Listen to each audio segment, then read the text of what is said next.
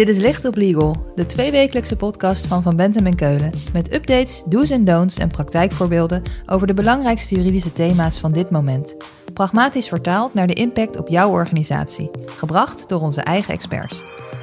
Het zal niet de eerste keer zijn dat een grote fraudezaak begint met het ontslag op staande voet van een werknemer die klein bier heeft lopen rommelen, om vervolgens zijn baas te verwijten dat hij groot bier heeft gerommeld. Medewerkers zijn de spil van ieder bedrijf. Als ondernemer geef je ze daarom veel vertrouwen en vrijheid. Maar dat gaat helaas niet altijd goed. Soms gebeuren er dingen die niet kunnen. En als dat gedrag echt niet door de beugel kan, kun je een medewerker per direct ontslaan. Ontslag op staande voet. Daarover praten we deze keer in Licht op Legal met Arno van Beurden. Hij stelt zich even voor. Ja, mijn naam is Arno van Beurden. Ik ben advocaat arbeidsrecht bij Van Bentem en Keulen. Um, ik doe het al zo'n jaar of dertig en ik heb dus in de loop der jaren een groot aantal ontslagen op staande voet uh, begeleid.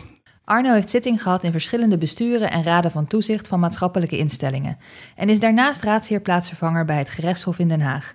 Hij weet dus als geen ander hoe organisaties, werknemers en rechters kijken naar ontslag op staande voet.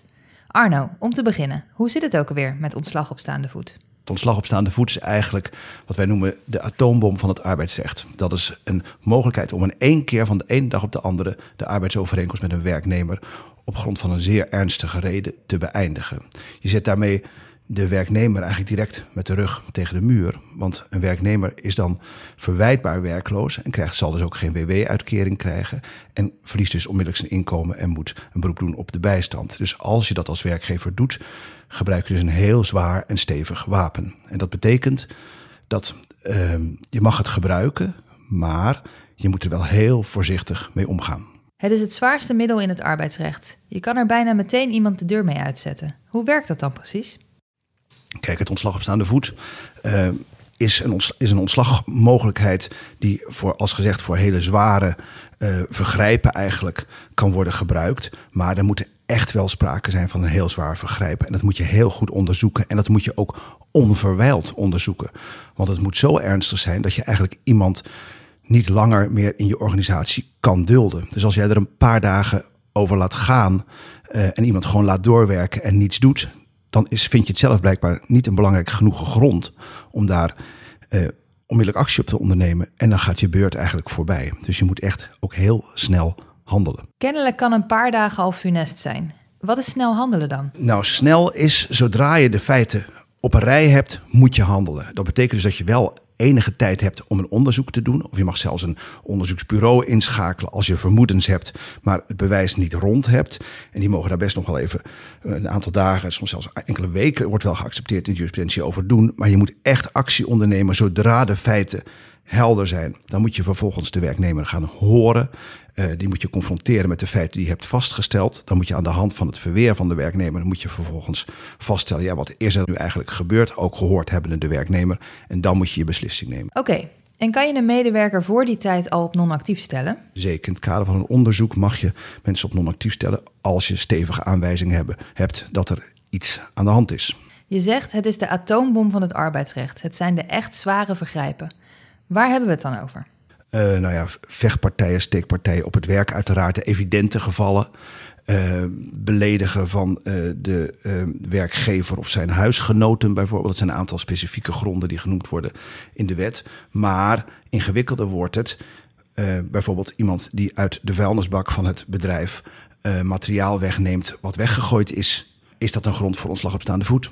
Nou ja, dat wil een bedrijf gewoon niet meer hebben, toch? Dat is dan toch geen probleem? De, nou ja, daar, daar, daar, kan, daar kan discussie over zijn. Want uh, zoiets als bijvoorbeeld het afval wegnemen uit, een, uh, uit de vuilnisbak, uh, omdat het bijvoorbeeld nog, toch nog bruikbaar is, daar is al jurisprudentie over. En juist die gevallen, daar wordt vaak over geprocedeerd, omdat werknemers dan kunnen zeggen: ja, maar je wilde het toch weggooien. En uh, ja, dat was dus voor jou waardeloos. Dus hoe kon ik nou weten dat dat ja, voor jou een reden voor ontslag op staande voet zou zijn. En dan zie je dat jurisprudentie heel erg gaat focussen op wat eigenlijk aan regelgeving in de organisatie geldt. Als jij dan als werkgever in de organisatie hele duidelijke regelgeving hebt, die je ook geregeld onder de aandacht van de werknemer brengt, waarin je zegt: het is bij ons absoluut verboden om weggegooid materiaal, onbruikbaar materiaal of anderszins materiaal uit de uh, vuilnisbak mee te nemen uh, naar huis of te verwijderen. En je brengt dus die regelgeving geregeld onder de aandacht van de werknemers. En je handhaaft het ook. Dus je laat niet de situatie ontstaan waarbij op papier het niet mag, maar iedereen het toch gewoon doet. Nou, als je uh, dat op die manier handhaaft, dan kun je ook in zo'n in zo'n situatie een ontslag op staande voet met succes opleggen, mits je dan natuurlijk wel aan de formaliteiten van onverwijldheid en hoor en wederhoor houdt. Dus je zegt, je moet snel zijn en je moet de medewerker de kans geven weerwoord te bieden. En het gaat om de meest ernstige vergrijpen, zoals een greep uit de kas. Dat is nogal evident. Maar je zegt dat het dus ook kan gaan om het overtreden van interne regelgeving. Dus die codes of conduct die de compliance afdeling opstelt, die hebben meer dan een symbolische waarde? Ja, die codes of conduct zijn echt heel erg belangrijk.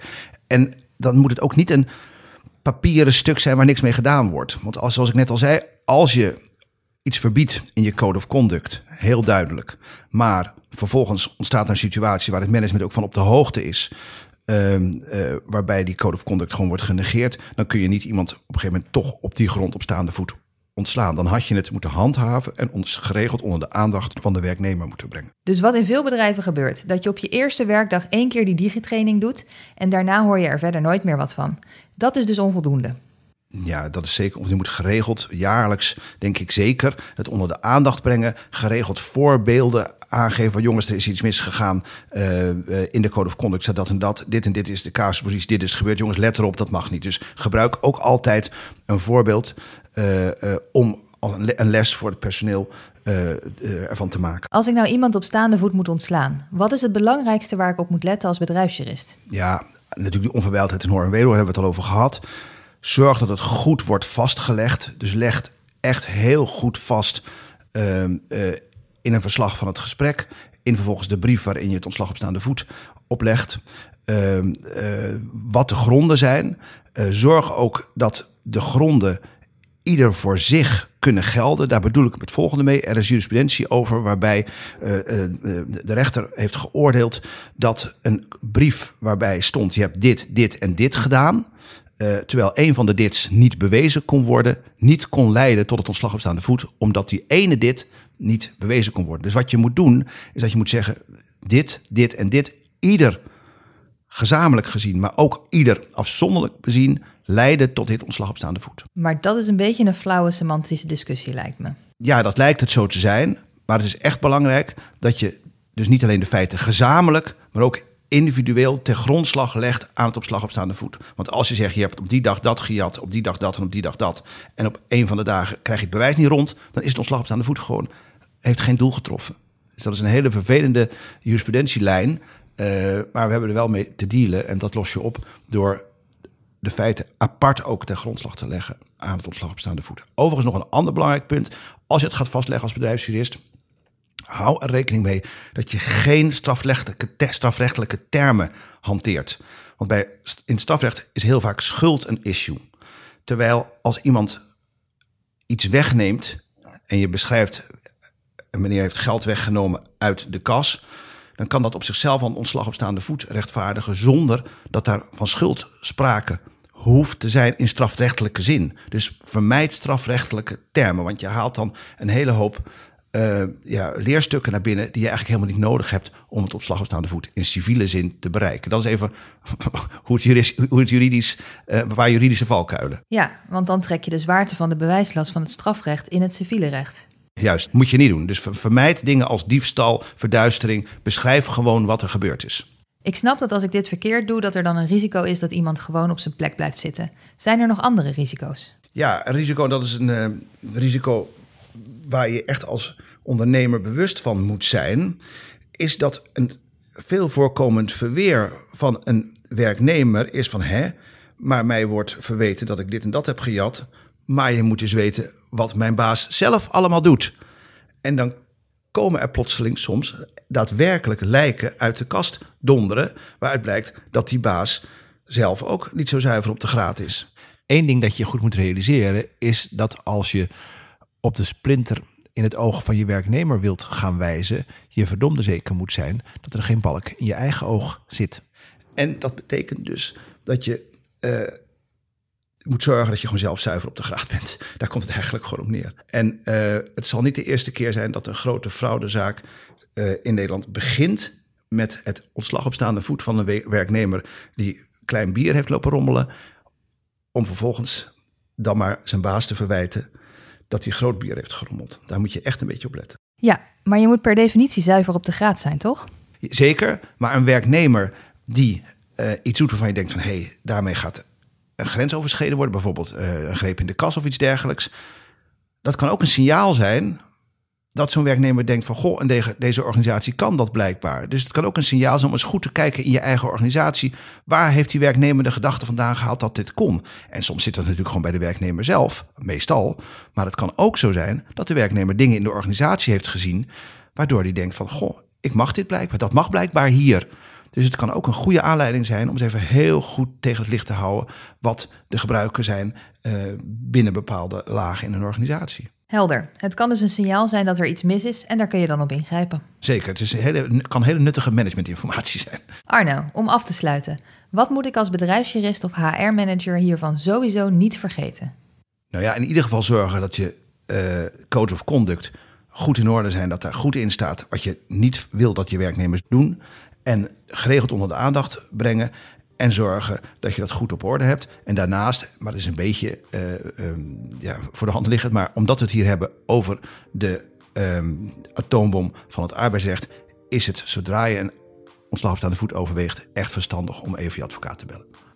Arno, als we meer willen weten over ontslag op staande voet, waar kunnen we dan terecht? Je kunt mij altijd mailen op arnovanbeurden.vbk.nl. Dit was Licht op Legal, een podcast van Van Bentem en Keulen. Te beluisteren via Spotify, Apple Podcasts of je eigen favoriete podcast-app. Wil je meer weten? Heb je suggesties voor een onderwerp? Of wil je dat onze experts hun licht laten schijnen op jouw juridisch vraagstuk? Laat het ons weten via vbk.nl/slash lichtoplegal.